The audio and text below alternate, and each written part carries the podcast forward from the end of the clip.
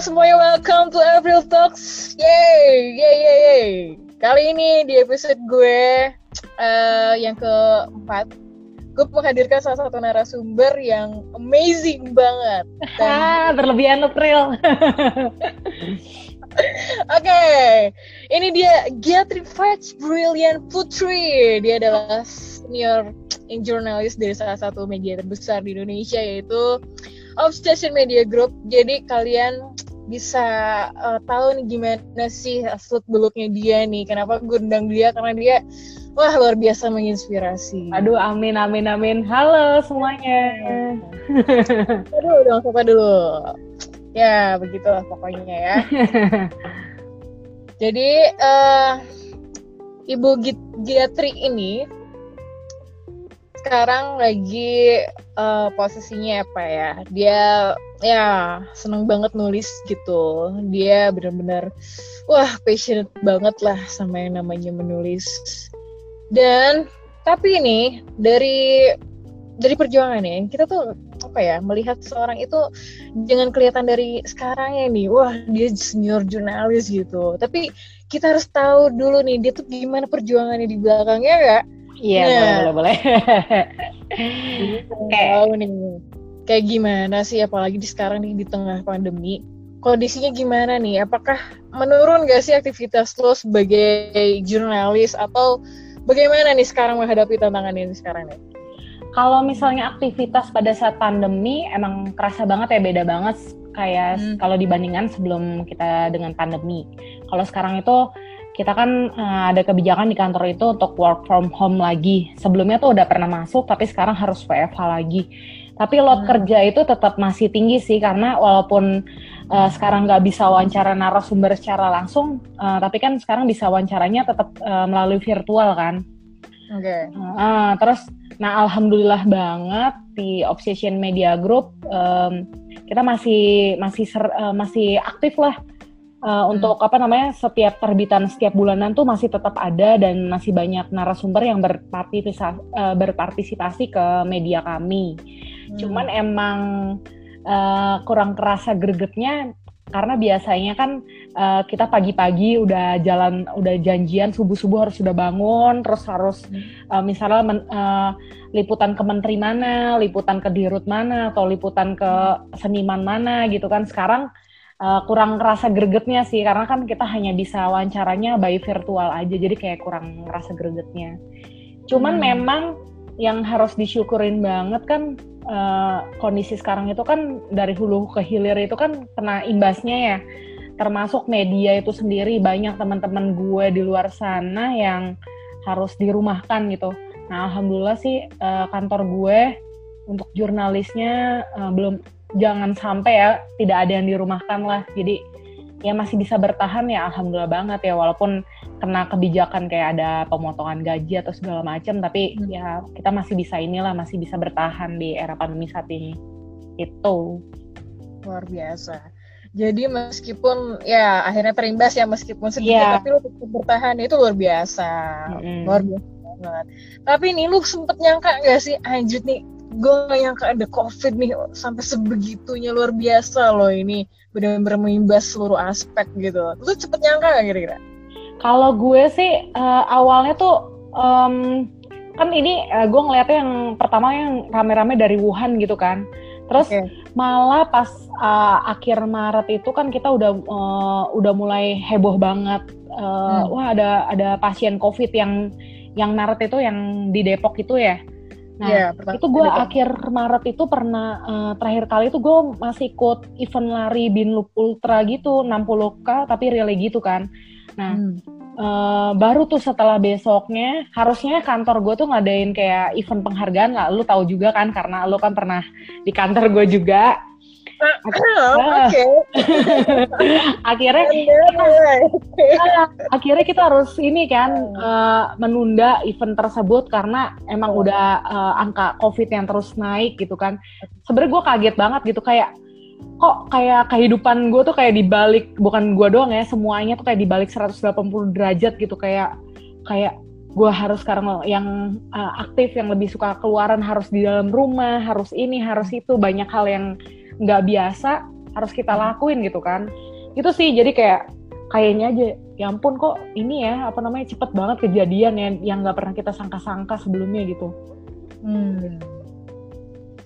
aduh emang parah banget nih covid nih. Tapi gini nih gue mau tanya apa sih yang membuat lo tetap bertahan ketika memang oke okay, lo terimbas covid gitu? Ini kan di balik ini kan ada passion yang sangat luar biasa nih yang yang benar-benar melekat dalam diri lo sendiri. Wah yo gimana pun pokoknya gue seneng banget jadi jurnalis dan ya meskipun ada covid lu tetap apa ya lu tetap maju lu tetap bertahan. Nah apa sih yang bikin lo sendiri seperti itu gitu? Ini buat inspirasi nih buat yang lain ini biar nggak patah semangat di tengah pandemi ini.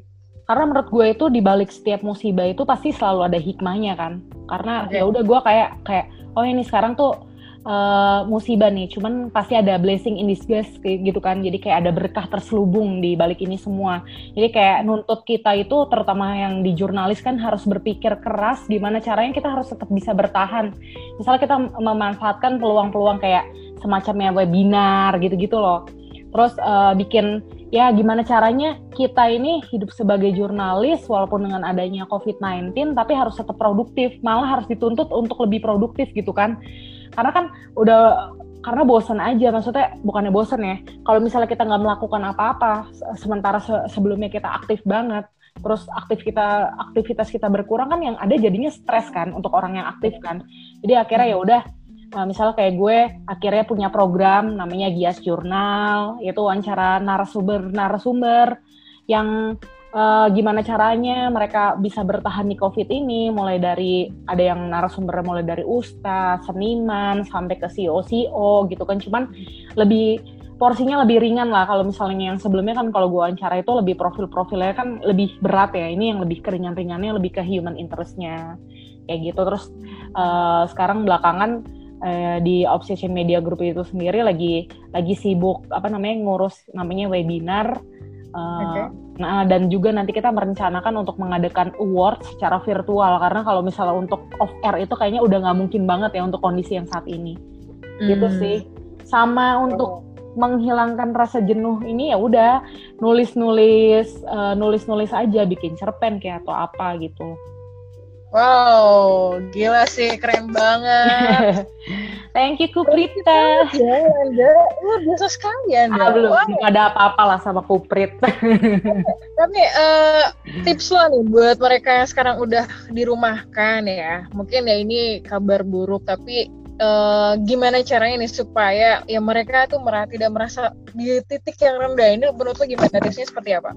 kalau misal dari gue itu kan gimana ya bad day itu tuh pasti berlalu berlalu kan. Jadi nggak mungkin lah Tuhan itu kayak ngasih kita cobaan tuh di luar kemampuan manusianya kan. Jadi ya kalau misalnya sampai yang dirumahkan ya kalau misalnya sebelumnya memang punya simpenan kan bisa sekarang tuh banyak banget kan kuprit kayak uh, jualan-jualan bikin usaha kecil-kecilan gitu loh bikin online ya. uh, online lah atau apa. Jadi memanfaatkan peluang yang ada. Kalau enggak kalau misalnya memang uh, apa namanya kayak kayak misalnya yang jurnalis kan bisa ikut tuh banyak banyak juga tuh yang di luar sana. Kayak ada lomba-lomba menulis atau apa. Kayak kemarin gue sempat ikut lomba di dana.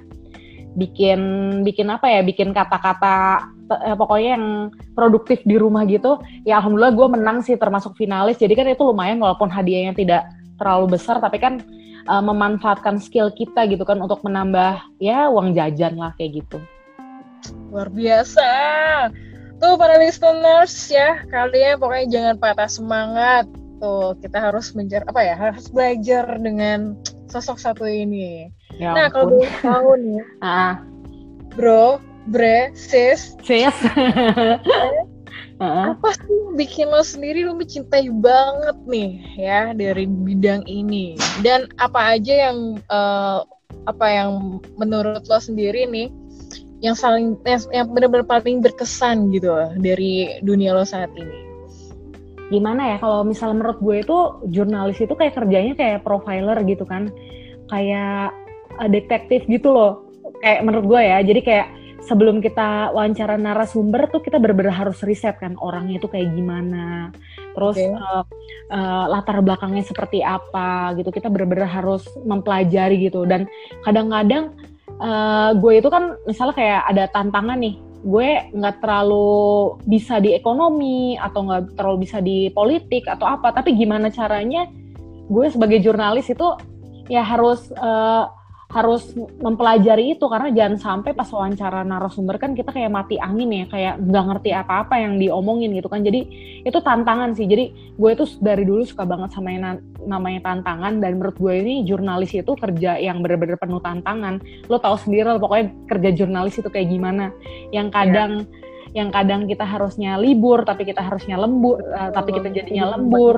uh, jurnalis itu menurut gue uh, dunia jurnalis itu dunia tanpa jeda sih makanya gue yeah. suka banget dan ini emang passion gue dari masih kecil gue tuh selalu pengen jadi jurnalis Oke, okay. tapi ini dibalik ini semua apa sih benar-benar yang paling berkesan? Misalnya lo di lapangan seperti apa yang benar-benar paling nggak bisa lo lupain gitu? Dan jatuh bangunnya seperti apa nih kira-kira? Gue yang paling nggak bisa gue lupain, ini ada salah satu narasumber. Uh, hmm. Gue tuh uh, lebih dari lima tahun ya. Pokoknya pengalaman hampir 10 tahun jadi jurnalis. Dan ini satu-satu narasumber yang bikin gue nangis tau nggak? Kayak gue okay. akhirnya menyadari aduh hmm. iya ya ternyata uh, gue tuh emang bodoh banget gitu. Maksudnya karena gue emang melakukan kesalahan besar. Jadi gue mikirnya ya udahlah gue nggak gampangin gitu. Ah udah gue yang penting uh, udah dapat uh, gue punya pointers gue tanya ini ternyata nggak narasumbernya tuh balik nanya ke gue. Gue tuh kayak uh, gue siapa sih coba lu ceritain gue ini gimana. Gila gue tuh uh, salahnya gue nih gue tuh nggak bener-bener riset. Itu gue tuh abis sama dia. Terus pas uh, itu uh, pertemuan pertama tuh ada pertemuan berikutnya uh, gue dia sama ya? Dia narasumber yang sama? Narasumber yang sama. Ini narasumber yang menurut gue aduh gue tuh bener-bener sampai kayak aduh uh -huh. takut banget karena dia uh, apa namanya uh, suka apa namanya permintaannya misalnya kayak uh, mintanya uh, tema yang ditulis ini terus tiba-tiba besoknya minta diubah lagi gitu. Bener-bener kayak menguras tenaga sama pikiran banget. Terus pas lagi hmm. pertemuan yang selanjutnya gue nulis uh, tentang wali ada wali menyebutlah wali kota Bogor dan wakil wali kotanya. Gue salah dong. Yang gue tulis itu wakil wali kota Bogor uh, yang sebelumnya yang mendampingi Bima Arya bukan yang sekarang. Itu gue abis ber sama tuh narasumber. Jadi hmm. itu pengalaman yang nggak bisa gue lupain. Akhirnya gue tuh di situ sadar uh, lu uh, ibaratnya lu tuh kalau misalnya ketemu narasumber lu tuh nggak tahu kan dia itu karakter kayak gimana gitu kan. Makanya lu harus bener-bener riset mulai dari karakternya terus latar belakangnya dia kayak gimana. Jangan sampai lu ngalamin hal kayak gini lagi. Itu sih kejadian yang nggak pernah gue lupain. Terus uh, yang nggak pernah gue lupain lagi adalah pada saat pertama kali gue jadi jurnalis hmm. itu kan tahu sendiri wartawan baru gimana sih nulisnya gitu kan ya. Uh, terus dibaca lah sama owner gue. Okay. pas lagi meeting meeting ini kan meeting redaksi dia baca. Saya kalau baca tulisan kamu tuh bikin sakit gigi tau nggak? Pusing kata dia. Itu gue wartawan baru gue gue nahan nahan nangis nah, air mata gue tuh udah di ujung mata tau gak sih?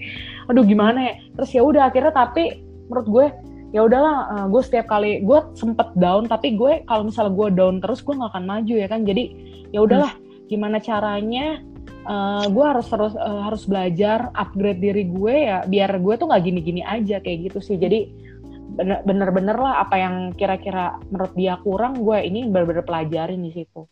Gitu.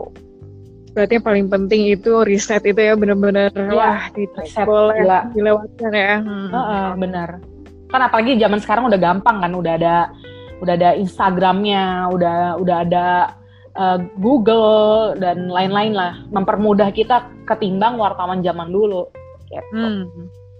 Oke. Okay. Ah, luar biasa sekali. Jadi pokoknya nih buat kalian yang baru mau terjun ke jurnalis, kalian harus paham dulu ya nggak sih? Paham dulu apa yang mau dikerjakan. Yang kedua juga jangan apa ya jangan buru-buru kita jadi narasumber. Ternyata narasumbernya itu menanya balik ke kita. Wah, iya itu dahsyat sih. Ternyata dia emang ada background jurnalis juga coy. Sana iya dahsyat gitu. narasumber uh. oke okay. terus nih by the way Basway sekarang kan posisi uh, apa ya? Ya jurnalis dalam artian sekarang lagi ya udahlah sekarang lewat WFH lah ya. Mm-hmm. Tapi menjalankan kehidupan jurnalis gak cuma sekedar profesional aja ya gak sih? Yoi. Aduh, gue kayaknya butuh sesuatu yang penyemangat gitu. Kira-kira lo sekarang gimana? Lo lagi ada penyemangat gak nih di tengah pandemi kayak gini? Apalagi pekerjaan lo yang luar biasa. Aduh, aham ya. Aham. Gue gue sempat ya sempat doang gue kan uh, oh. baru baru pisah lah sama pacar gue yang udah 9, 9 bulan pacaran sama gue gitu kan terus hmm. di saat titik yang dan gue tuh apa gimana ya bukan apa sih kayak uh, pas gue diputusin terus uh, pada saat itu juga gue lagi banyak kerjaan terus ada pokoknya ada permasalahan juga jadi kayak kayak numpuk semua gitu masalahnya di situ kayak aduh iya udah udah udah ada masalah kerjaan masalah pribadi gue dan pada hari gue diputusin gue harus ngisi talk show dong Oh my god. Jadi itu banget dong. Iya itu gimana caranya? Sampai temen gue tuh yang yang uh, yang apa namanya uh, jadi moderatornya nanya, it's okay hmm. nih, gue wawancara lo ini temanya relate loh tentang kehidupan apa yang lo uh, harus persiapkan sebelum menikah gitu kan. Oh my god, ya. jadi temanya juga itu. iya, akhirnya udah uh, ya udah kata gue ya udah kita profesional aja nggak apa-apa. Gue gue ini kok bisa handle uh, handle semuanya gitu kan. Nah, hmm. terus di saat gue selesai apa namanya selesai diputusin gue sempet deket lah sama sama laki. Tapi hmm. laki itunya itu 10 tahun di bawah gue. Oke. Okay. iya kan 10 tahun di bawah gue. Beda agama pula. Tapi dia hmm. kayak kayak yang uh, ngisi uh, apa ya ngisi ngisi hidup gue gitu. Sering gue marahin maksudnya sering gue uh, marahin segala macam. Tapi dia tetap tetap ada gitu buat gue gitu. Tapi hmm hmm, sekarang udah berjalan lumayan beberapa waktu lah ya, beberapa bulan lah ya. Ya hmm. udah agak renggang juga karena kan dia udah keterima di kampus negeri, sibuk kuliah juga.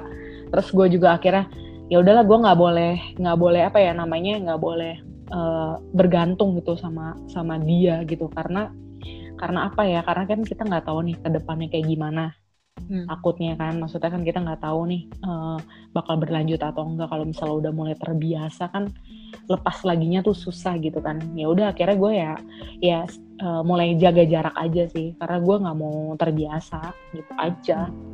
Gitu sih. Okay. uh, eh, sekarang gini lo posisi uh, apa ya dalam pekerjaan yang serba hektik ya. Hmm. um, dikejar deadline juga Nah, sekarang nih lu pacaran sama orang yang di bawah 10 tahun nih. Kira-kira bukan pacaran, bukan pacaran, deket-deket. Deket. Oh, deket. Oh, jadi lu nah. belum pacaran. Belum, jadi baru deket. Deket, deket. Oh, Oke, okay. gue doain semoga ya langsung. Temen tapi kissing gimana oh. sih? Temen tapi kissing. yang jadi pertanyaan gue, uh, menurut lo nih, Hah? Dengan pekerjaan lo sekarang ada nggak sih? Bukan ada sih tapi uh, seperti apa sih gitu cowok yang memang uh, untuk bisa bikin lo nyaman di apa ya di tengah posisi lo sebagai jurnalis gitu? Kira-kira seperti apa sih cowok itu gitu loh? Hmm. kalau gue pribadi ya gue tuh suka gue suka banget sama cowok yang apa ya jadi dia cuek bukan cuek ya maksudnya dia cuek-cuek perhatian ngerti nggak? Maksudnya cueknya itu dalam arti dia nggak intens ngubungin gue terus-terusan yang nanya ini hmm. udah siang nih makan apa tadi? Gue nggak suka digituin gitu. Cuman hmm. dia uh, pokoknya uh, setiap hari harus ada lah maksudnya kayak nanyain gimana nih hari ini? gitu loh. Jadi kayak gimana hari ini? Atau jadi tetap harus ada komunikasi walaupun nggak terlalu intens gitu karena gue juga nggak suka gitu. Nah yeah. uh, terus gue nggak suka sama uh, pokoknya jangan sampai dia itu jealousan karena gue yang udah-udah itu selalu udahan itu karena dia jealousan terus okay. ah terus dia harus ngerti. Kadang gue pasti memprioritaskan pekerjaan gue ketimbang ketemu sama dia gitu loh. Nah dia harus ngerti kalau misalnya pekerjaan gue tuh seperti itu. Gitu sih. Hmm. jadi terus sama yang paling penting itu ya satu frekuensi sih. Satu hmm. frekuensi sama gue dan bisa menerima segala keabsurdan gue. Karena yang sebelumnya yang 9 bulan itu gue ngerasa capek aja gitu setiap kali gue ketemu dia itu gue kayak ngerasa sembilan bulan ibu mengandung. Iya, sembilan bulan ibu mengandung pas pas sembilan bulannya lahiran udahan gitu kan. jadi jadi sama yang terakhir itu sembilan bulan ya. Oke. Okay. Iya, tapi gue hmm. capek banget sama dia. Jadi kayak Okay. Uh, selama ini nih gue selama sembilan bulan itu gue mempertanya sebenarnya gue hmm. cocok nggak ya sama dia gue bisa nggak ya sama dia gitu ngerti nggak karena lu bertanya itu pas akhir-akhir apa emang pas gimana? Selama ngejalanin selama ngejalanin gue tuh udah selalu ragu gitu. Makanya gue pesen banget nih buat lulus semua kalau misalnya memang dalam hubungan lu lu selalu ragu kayak ngerasa kok gue yang capek gitu kan gue yang apa mendingan udahan gitu. Karena uh, okay. wasting wasting time gitu. Jadi gue ngerasa capek kalau ketemu sama dia itu gue nggak bisa jadi diri gue sendiri. Terus uh, gue yang selalu minta maaf. Kadang uh, kadang-kadang dia yang salah gitu tapi gue yang selalu minta maaf gitu. Ah yang selalu minta maaf pula ya. Padahal iya. dia mungkin ya salah ya. Tapi iya. dia yang minta maaf oke. Okay. iya terus dia uh, kadang omongannya uh, suka kasar atau apa gitu. Kayak waduh itu bukan bukan gue banget. Dan yang terakhir kali ya pas lagi gue gue punya firasat sih sebenarnya gue kan jadi sebelum putus itu gue mimpiin dia mimpinya tuh berturut-turut nggak enak terus. Terus hmm. di mimpi itu dia itu uh, milih perempuan lain daripada gue. Nah setelah udah tuh kayak gue punya firasat ini kayak nggak mungkin ya dia mutusin gue karena hal yang sesepele ini gitu sepele, sesepele itu gitu kan. Ya udah gue liatin hmm. aja ternyata bener kan dia deket sama teman satu komunitasnya gitu. Ya udah jadi kayak oh lu nggak worth it kayak gitu tapi uh, pas lo lagi bekerja nih, dia hmm. pernah gak sih kayak, nek apa ya, lo dapet chat chat bombastis gitu, kamu di mana segala macem gitu? Enggak, dia enggak. Makanya gue ngerasa, makanya kan gue bilang ya, gue nggak nggak nggak butuh loh maksudnya laki-laki yang selalu kayak ngechat gue tiap waktu atau kayak gimana. Tapi gue tuh pengennya, uh, lo uh, nanya lu gimana nih? Lu hari ini kayak gimana? gitu. Gue nggak mau maksudnya kayak lu uh, jangan sampai kita tuh dapetin pasangan yang lu tuh sibuk sama urusan sama masa lalu sendiri gitu. Karena yang namanya hmm. pasangan itu kan yang paling penting itu kan komunikasi kepercayaan ya nggak? Bener nggak? Yeah. iya oh. komunikasi dan kepercayaan. Menurut gue sih itu sih sama respect respect ke pasangan lo gitu. Kalau misalnya udah nggak ada itu semua ya namanya lo ngapain ngejalanin hubungan gitu belum sih bener. makanya lu bayangin aja lu gue selama pandemi ya itu nelpon gue itu kehitung banget coy itu juga kadang-kadang bukan nanyain personal, nanyain misal kayak ada soal uh, kerjaan yang emang ada berhubungan sama dia. Jadi kata gue, terus ini kayak apa sih? Uh, ini hubungan gue tuh sama dia apa sih gitu, gitu loh. Makanya gue nggak mau deh, nggak mau yang ketemu yang begitu-begitu lagi. Mendingan kalau dari awal udah ragu atau enggak enggak. Terus gue punya prinsip kalau misalnya gue deket sama someone gitu. Misalnya uh, dalam uh, misalnya kita komunikasi hari ini terus tiba-tiba besoknya dia nggak ngechat lagi setelah hmm. gue kasih waktu sampai seminggu. Kalau misalnya emang dia seminggu nggak ngechat lagi ya udah akhirnya gue bye. Gue nggak mau buang waktu aja jadi lo punya ini ya, sekarang punya kebijakan ya bahwa yeah. udah skip ya. Oke. Okay. Ya, baik. Menurut gue gini, sekarang lo mikir aja ya zaman sekarang. Zaman sekarang nih teknologi udah canggih. Kecuali kan dia ada di tengah hutan ya kan, mungkin dia nggak hubungin gue karena nggak ada sinyal. Ini ada sinyal, misalnya dia aktif di WA, aktif di uh, media sosial dia yang lainnya gitu.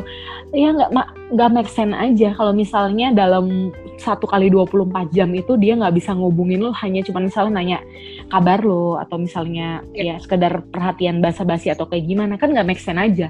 Jadi uh, di situ gue mengambil kesimpulan kalau misalnya emang dia nggak ngechat ngechat lo apalagi sampai seminggu berarti lo nggak sepenting itu buat dia. Jadi ngapain lo menganggap dia itu penting? Gitu. Wah gila, tuh para listener semuanya. Jadi Iya, kita ini uh, aja sih apa namanya uh, uh, realistis aja. Ya hmm. nah, realistis. Oke oke oke. Tapi nih berarti lu sekarang kan deket nih sama yang di yeah. 10 tahun ini. Apa mem, elo, elo, apa apa sih yang jadi alasannya lo sendiri wah oke okay nih kayak lu lu cocok nih buat kita deket gitu. Apa nih alasan ini? Um, alasannya apa ya? Karena gue kalau gue bisa jadi diri gue sendiri terus okay. Um, ya uh, kalau misalnya gue yang ngejauhin dia dia yang selalu uh, jadi kan kadang-kadang gue suka suka overthinking sama masalah gue sendiri. Nah dia tuh uh, ada buat gue gitu loh ngerti nggak? Kayak okay. gitu. Cuman ya ya udah beberapa bukan beberapa sih udah sehari sehari inilah udah seharian dia belum emang nggak ngubungin gue pokoknya pokoknya selama seminggu dia nggak ngubungin gue udah bye sih oh, gue jadi buat yang sekarang okay. pokoknya ini dalam seminggu ke depan yang ngubungin gue gue bye pasti gue oh, udah nggak mau ngubungin dong gimana sih ah Oke oke oke.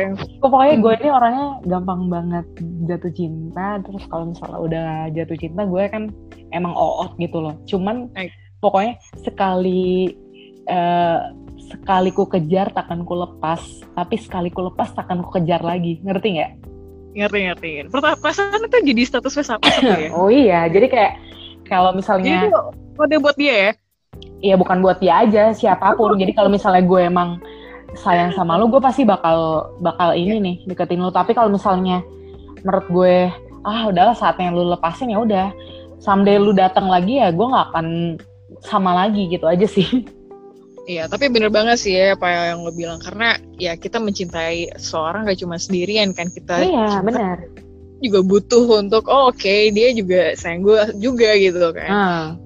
Hmm, bener bener bener. Lo okay, percaya nggak okay. gue pernah hampir uh, pokoknya ada cowok yang sebenarnya bukan tipe gue banget tapi akhirnya gue uh, pernah berpikiran ya udahlah gue mau nih nikah sama dia gitu kan padahal dia bukan tipe gue banget cuman pas someday okay. mm, pas someday dia um, inilah pokoknya kita habis uh, jalan jalan sama komunitas itu ke Bandung terus hmm. dia nggak ngechat ngechat gue lagi tuh selama seminggu coy ngerti nggak Oh. Kira gue sempet ini dong, sempet gal, lo kenapa sih kok tiba-tiba ngejauhin gue? Uh, ada ada masalah apa sama gue? Gue tuh sampai sempet galau juga soalnya kan kayak kemarin. Lo udah tanya langsung belum? Apa kenapa?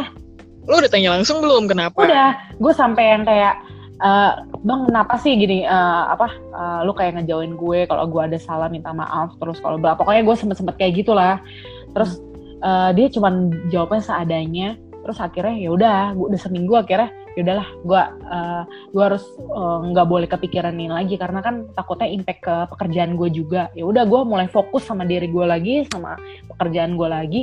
Terus gue gue pacaran sama yang terakhir kali putus itu pas gue pacaran tiba-tiba dong tuh cowok yang hampir menurut gue ya udah kayaknya gue nikahin sama dia lagi dia datang lagi dong ke gue dia sempat bilang gue kayaknya mau serius deh sama lo kalau mau kita ngobrol tapi gue udah punya pacar di situ posisinya ngerti nggak maksud gue terus gimana dong? Akhirnya gue sekarang lu kan udah gak sama yang terakhir nih. Sekarang lu lagi deket sama yang beda enggak.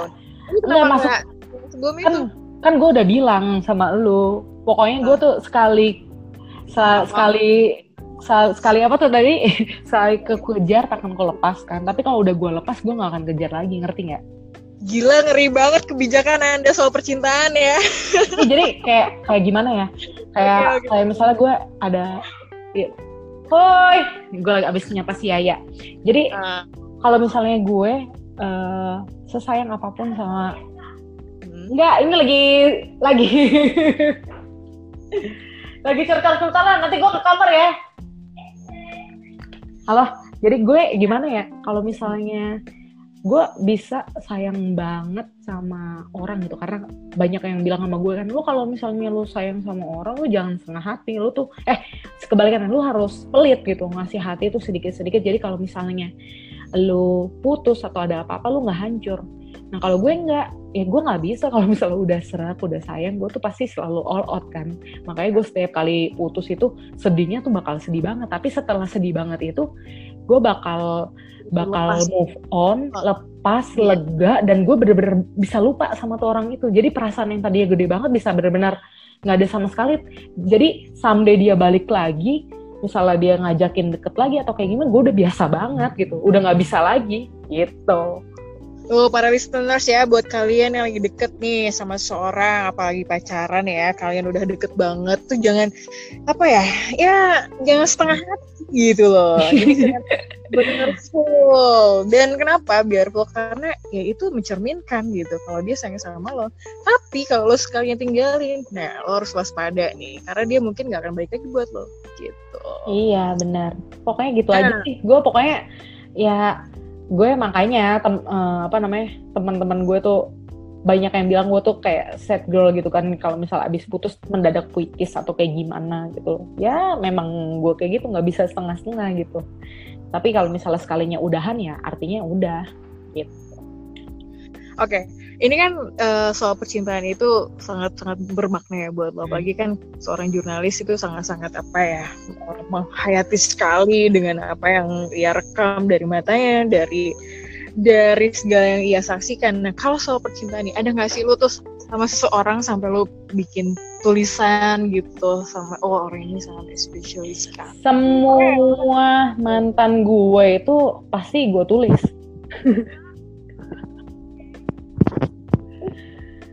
Halo? Eh, yang paling menarik apa yang dari semua? Uh... Halo Pril? Halo, halo, halo. Halo. Iya halo, iya iya halo. Ada nggak suara gue? Iya ada ada ada. Jadi guys, ini kita itu uh, kita nggak bertemu, tapi kita lewat zoom. Zoom, jadi ada, kita nggak bisa ketemu gitu karena jarak jauh juga gue di Bogor dan dia di Jakarta ya. Jadi gini, kalau misalkan lo punya nih ya uh, tulisan dari semua mantan lo yang benar-benar ya oke okay deh semua lo tulis tapi ada nggak sih salah satu yang mungkin wah gila ini kacau banget nih.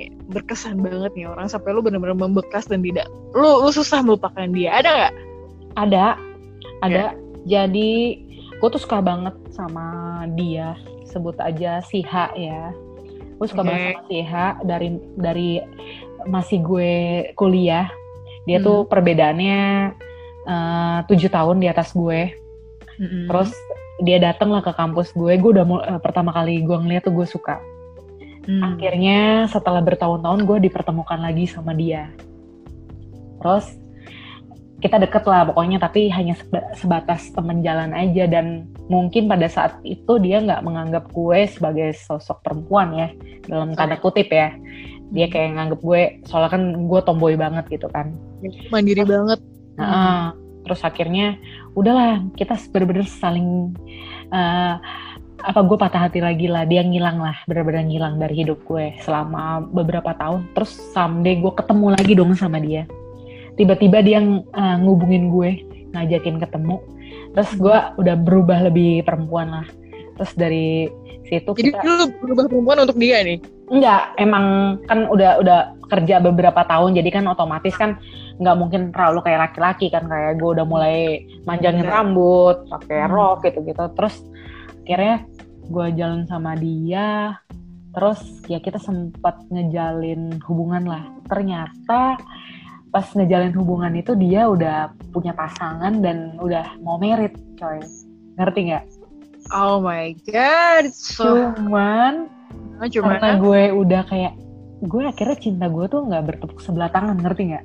Ya udah gue akhirnya ya udah nggak apa-apa gue dijadiin yang kedua ngerti nggak? Terus tapi memang ujung-ujungnya ya dia kembali ke pasangannya gitu. Karena gue itulah pokoknya ya tahu sebenarnya gue udah tahu nggak mungkin sama gue karena kan itu udah udah udah udah ada obrolan di antara kedua keluarga segala macem. Jadi kayak nggak mungkin banget dia milih gue gitu. Ya akhirnya di situ gue sadar sih ya mungkin dia nggak sesayang atau secinta itu ke gue. Kalau misalnya emang dia bener-bener sayang kan dia pasti bakal lebih uh, pasti dia bisa ngambil keputusan kalau emang hatinya buat gue pasti ke gue kan bukan ke perempuan itu gitu. Itu ya pokoknya yang bener-bener nggak bisa gue lupain sama cinta pertama gue pas lagi SMP kejadian sama lagi kayak gitu. Ternyata dia pengen merit gitu. Udah. Udah pokoknya gue Aduh, itu dua orang itu lah yang bener-bener -bener bisa gue lupain sampai sekarang gue sampai sekarang gue nggak bisa lupa. Halo? Terus ya lo ya tapi itu beneran lo tulis beneran lo bakal share tulisan Enggak, lo di ini hanya hanya uh, tulisan-tulisan gue pribadi aja yang gue cuma nikmatin sendiri kayak nggak nggak nggak gue share lah gitu. Mm -hmm. Oke okay, oke. Okay. Walaupun gue share juga gue nggak pakai nama gue dan nama dia, gue pasti ngebalutnya dengan cerita orang lain gitu, nggak kejadian nyata. Okay. Ya kita udah sama-sama masing-masing dan gue juga sekarang ya walaupun eh, nggak uh, bisa lupa sama dia cuman kan perasaannya itu udah berubah ya udah nggak kayak dulu hmm. gitu jadi kayak sekarang ketemu sama dia ya as a friend aja udah biasa aja gitu Mm-mm. Tapi rencananya lo bakal jadi novel gak nih kira-kira? Kayaknya lo kan orangnya tipikal yang wah menghayati banget dan wah. Someday iya sih. Someday, iya. someday iya. Apalagi ini ada cerita paling kocak sih. Ini nggak tahu ini aib atau apa. Bukannya gue pengen ngasih tau aib. Gue tuh ternyata gue pernah deket sama cowok. Hmm. Uh, sampai beberapa waktu lah ternyata gue uh, sadar ada yang ngasih tahu sama gue ternyata dia biseksual anjir. Oh iya. Itu oh, oh my god oh. banget. Cuman ya udah, cuman ya ya terus akhirnya gue nyadar oh pantas aja gitu. Selama ini kok gue kayak what's wrong with him gitu kayaknya ini bener gak sih dia kayak gini gitu. Cuman ya udahlah ya ya namanya juga gitu. kehidupan ya. Uh -uh. Oke. Okay. Wow, tuh guys ya pokoknya kalau kalian uh, pengen tahu cerita cintanya kita tunggu aja novelnya kayak gimana hmm. dari Gatri First Brilliant Putri ini. Aduh, pokoknya nih para listeners kalian kalau misalkan soal cinta nih jangan main-main ya. Karena seorang Jatri aja dia punya kebijakan yang sangat ketat ya. Yeah. Dari mulai ah seminggu gak ada kabar goodbye tapi yeah. mau boleh tahu apa sih yang bikin lo sendiri dalam waktunya itu hanya tujuh hari gitu. Ada nggak sih uh, apa ya lebih detailnya sendiri alasannya cuma tujuh hari gitu? Sebenarnya kalau misalnya lebih ini lagi, oh dua bulan aja gitu Enggak tiga. Wah enggak, gue wasting time banget kalau misalnya sebulan. Malah kalau okay. misalnya, malah kalau misalnya emang gue lebih nggak sabaran lagi, kok tiga hari seharusnya udah baik juga sih, ngerti gak sih? Hmm. Ya itu tadi yang gue jelasin dari dari satu kali dua puluh empat jam. Misalnya hmm. dia bisa aktif di uh, di WhatsApp kita bisa lihat dia online atau di Instagram. Bisa aja punya masalah gitu. Lo sempet mikiran gitu gak sih kayak? Apa kenapa? Sendiri. Tapi siapa tahu dia lagi punya masalah gitu. Oke, mungkin dia butuh menyendiri. Lo ada kepikiran ke sana gak sih? Mungkin kayak di luar uh, soal ada perasaan sama lo gitu. Siapa tahu dia punya masalah ya kan? Makanya um, feeling Gimana kalau ada feeling gue ya gue nggak tahu sih. Ini sih pokoknya gue tuh selalu ngikutin feeling sama hati gue. Jadi kayak gue tuh kalau berpikir oh uh, gue jangan sampai ya. Maksudnya gue menganggap dia penting tapi kok dianya uh, ternyata nganggap gue nggak nggak nggak sepenting itu gitu. Gue ngerasa kok gini gini ya? Maksudnya ya udahlah daripada daripada ke depannya gue yang capek atau apa kayak gue nya wasting time gitu. Harusnya gue bisa memikirkan hal lain tapi harus mikirin mempertanyakan kenapa ya dia kenapa dia ya. Itu kan wasting time ya jadi kayak memecah fokus gue. Udah gue kasih udahlah seminggu aja. Jadi biar biar biar ini biar apa namanya kalau kelamaan kan yang bikin perempuan pergi kan karena ini kan karena karena disuruh pergi kan. Tapi kalau misalnya dia bisa kembali lagi karena tanda tanya. Nah gue nggak mau ada tanda tanya lagi. Jadi gue dalam seminggu itu kalau emang gak ada kabar gue udah bener-bener nggak mau tahu lagi tentang dia toh kalau misalnya dia someday ngubungin gue lagi ya udah lu as a friend aja. Gue nggak akan buka pintu hati gue lagi untuk lebih gitu. Gitulah pokoknya.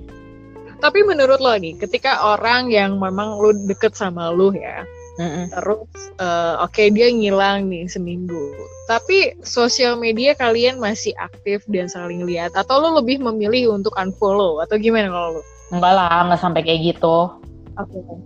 jadi lo tetap temenan tetap hmm. tetap temenan aja cuman ya udah jadi kayak bener-bener uh, nggak uh, udah bodo amat gitu udah mencoba untuk oh bodo amat dia mau ngapain uh, dan gue juga ya sesuka gue mau ngapain ng ngapain juga jadi ya udah saling bodo amatan aja gitu. jadi bodo amat tapi tetap follow ya nggak saling ya, follow nggak sampai segitunya apalagi kan uh, cuman karena ghosting ya bukan bukan karena bukan karena ini bukan karena putus atau gue juga jarang sih unfollow unfollow mantan gue kecuali wow, kalau udah ngeganggu. gila, gila, gila. Menarik loh. Kan biasanya kalau ada yang putus ada aja langsung unfollow dan block loh. Apa sih alasan lo sendiri? Sampai lo tutup. Oke okay deh ya udah kita masih follow followan apa nih kira-kira? Kayak nggak dewasa aja sih. Menurut gue kayak nggak dewasa aja kalau gue sampai unfollow unfollow kayak gitu. Ya, kalau misalnya kalau memang nggak mau tahu ya udah nggak mesti harus unfollow kan. Bisa mute bisa apa gitu kan. Kalau misalnya emang ya tinggal nggak usah buka-buka lagi atau apa. Jadi gitu aja sih. Jadi kayak ya udahlah. Uh, menurut gue karena kalau misalnya menurut gue nih ya bisa mengukur gue itu udah move on atau belum gue tuh udah berani atau bisa buka Instagram dari pas uh, mantan gue gitu. Jadi kalau misalnya gue uh, udah buka Instagram dia kalau gue biasa aja toh berarti artinya gue gue udah move on. Jadi itu sebagai tolak ukur gue makanya gue nggak mau unfollow unfollowan Wow, tuh para listeners. Jadi kalian tuh nggak usah langsung impulsif, wah udah putus langsung Enggak, nggak salah. Tapi uh, alternatifnya kita bisa mute ya? Iya, bisa mute. Kan banyak ya, banyak tuh. Jadi kayak misalnya kita mute kan kita jadi nggak nggak nggak tahu-tahu lagi tentang dia dan kita nggak usah ngelihat dia lagi di story kita atau apa gitu kan. Jadi uh, jalan untuk melupakannya itu lebih lupa uh, lebih mudah lah gitu. Hmm, wow, wow, wow, tuh para listeners, pokoknya kalian jangan terlalu apa ya? Ya kalian pokoknya bisa lah di mute aja, nggak perlu langsung. juga gitu ya gak sih? Misalnya di luar soal perasaan kan biasa tuh kita butuh dia soal bisnis atau segala macam iya, bisa aja. Karena, nah. karena itu tadi maksudnya kalau misalnya kan kita nggak tahu ya someday itu ya, ya kadang-kadang kan namanya perasaan sebel kecewa atau apa kan uh, lama kelamaan kan jadi biasa aja ya.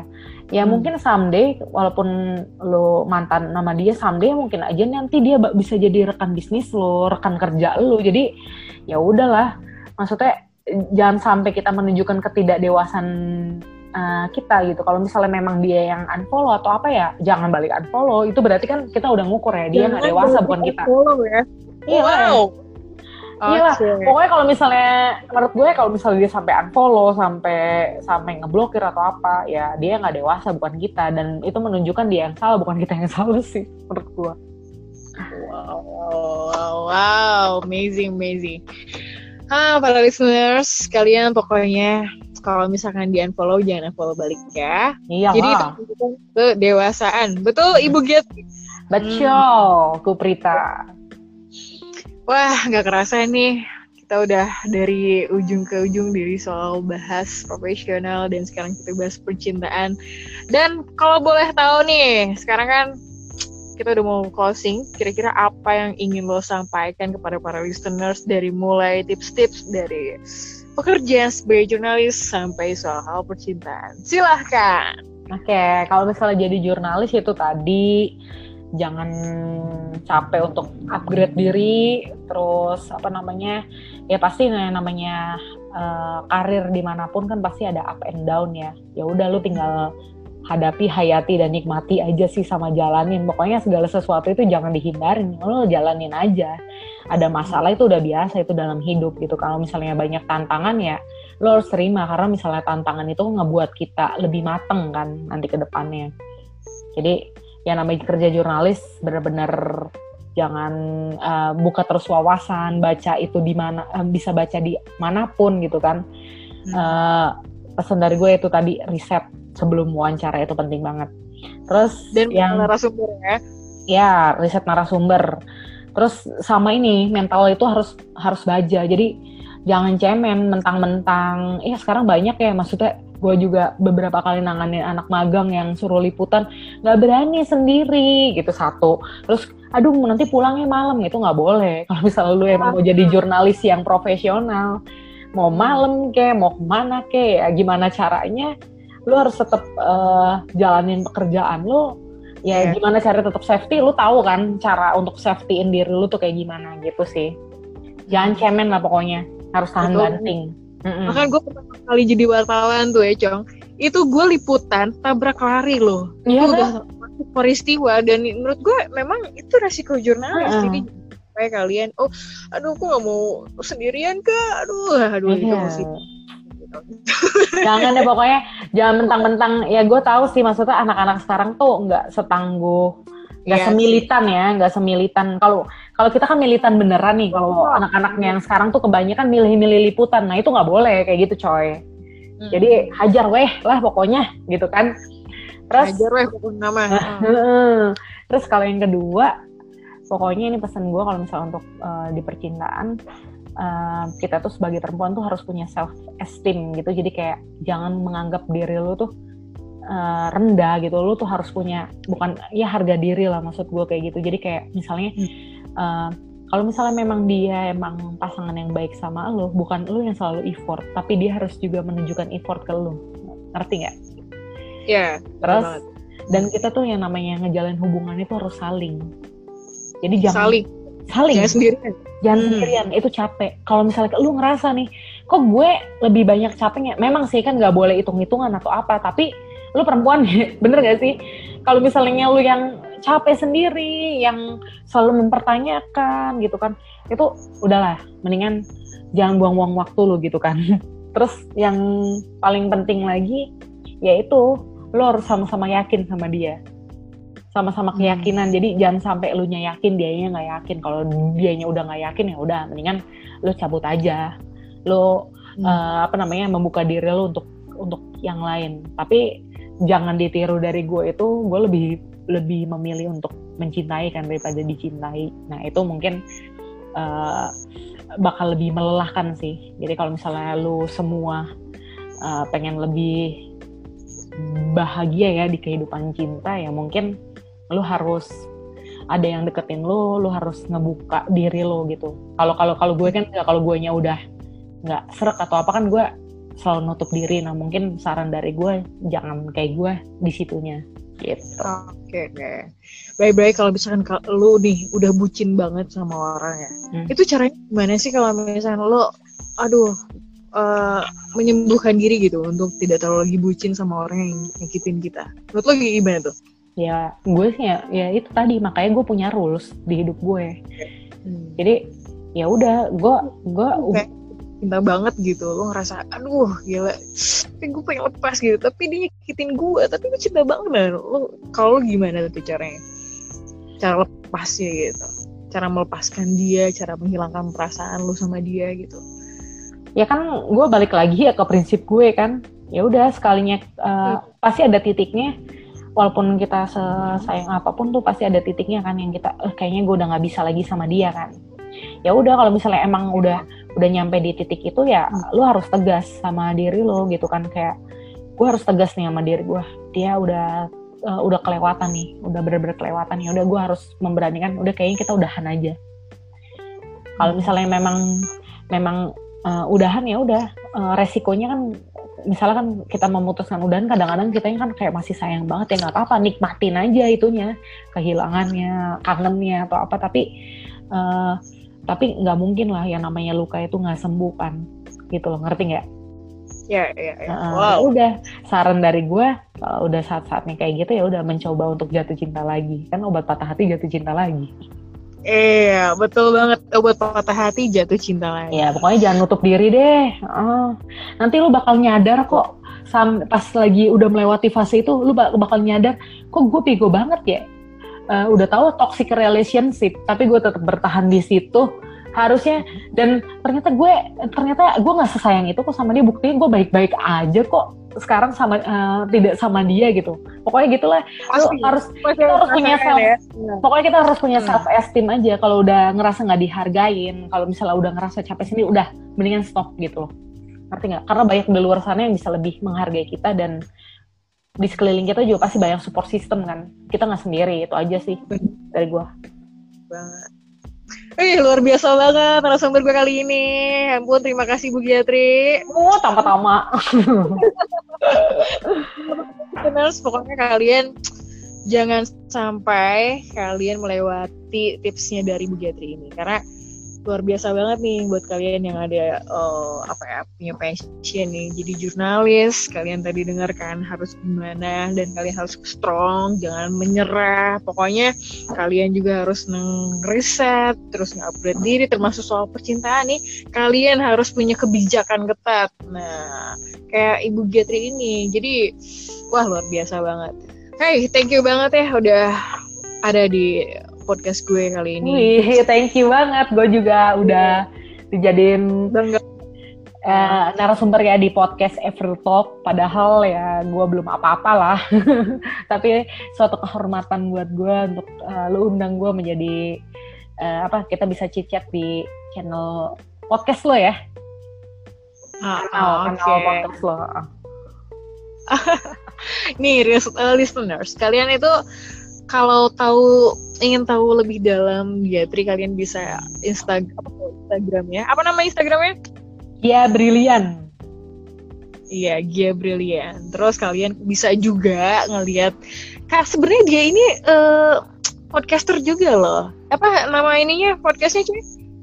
Susu kakak suka-suka podcast. Nah itu mah tapi sama teman-teman sih bukan gue pribadi Kalian juga bisa kunjungin dia, Ibu Giatri ini. Ibu Giatri, pokoknya Ibu Giatri banget ya kalian pokoknya harus kepoin dia dan kalian harus bisa cari inspirasinya dari dia. Pokoknya ini tuh hanya sekedar kulitnya doang nih yang ada di podcast ini. Lo harus tahu dua di dalamnya. Pokoknya follow aja instagramnya dan juga ya kalian kepoin aja. Oke semuanya. Terima kasih yang udah mendengar. Semoga kalian suka Bye bye. So